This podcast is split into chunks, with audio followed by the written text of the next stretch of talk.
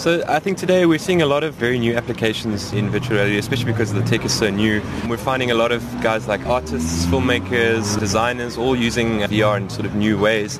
You see it a lot in gaming as well, but I think the thing that people need to realize is that we need to apply sort of a new kind of uh, rule set to this technology, and there's there's no sort of set way of doing things. So we have to constantly remind ourselves that this is a new technology, and this is something that we're going to have to sort of find a new approach for.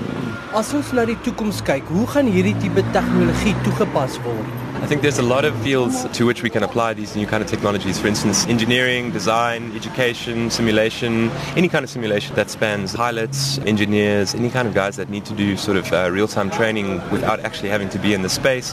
Um, I think medicine is a huge one. Even just uh, training and, and teaching people how to do something on the operation table or before they're actually in the situation, learning vast amounts of medical uh, information, new ways of learning.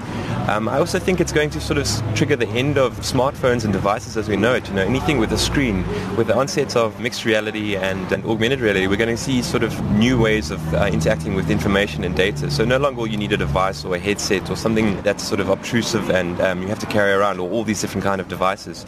You know, anything that relies on a screen is essentially going to become obsolete when you start looking at, for instance, augmented reality glasses where you can stuff like the HoloLens where you can see extra layers of information in a, an existing environment.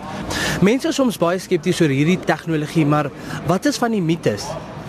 I think a lot of people are scared of virtual reality because maybe A, they don't really know exactly how it works, or B, they don't really want that much interaction with the machine. They're sort of very used to uh, logging on with their smartphones or with a computer or a laptop. You know, virtual reality has a very unique way of being able to show people something that they might not be able to see. So if you can think about maybe live teleportation or allow you to be somewhere that you might not have access to, to, to be or be allowed to go.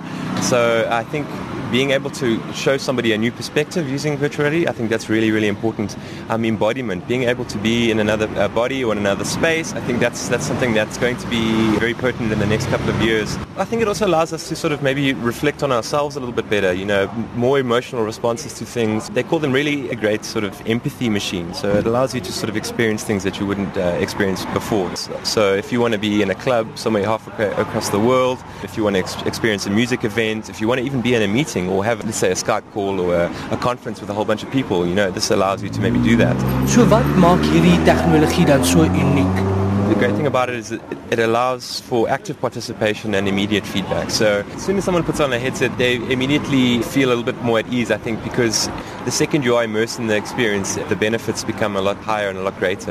And the second we start being allowed to have meetings or uh, see other people in VR, I think that's when it's going to get really exciting. So I don't think people should be scared of VR. The applications can be, you know, whatever you can imagine. And I think it's up to humanity to decide exactly what that application is going to be and use it for the right purposes.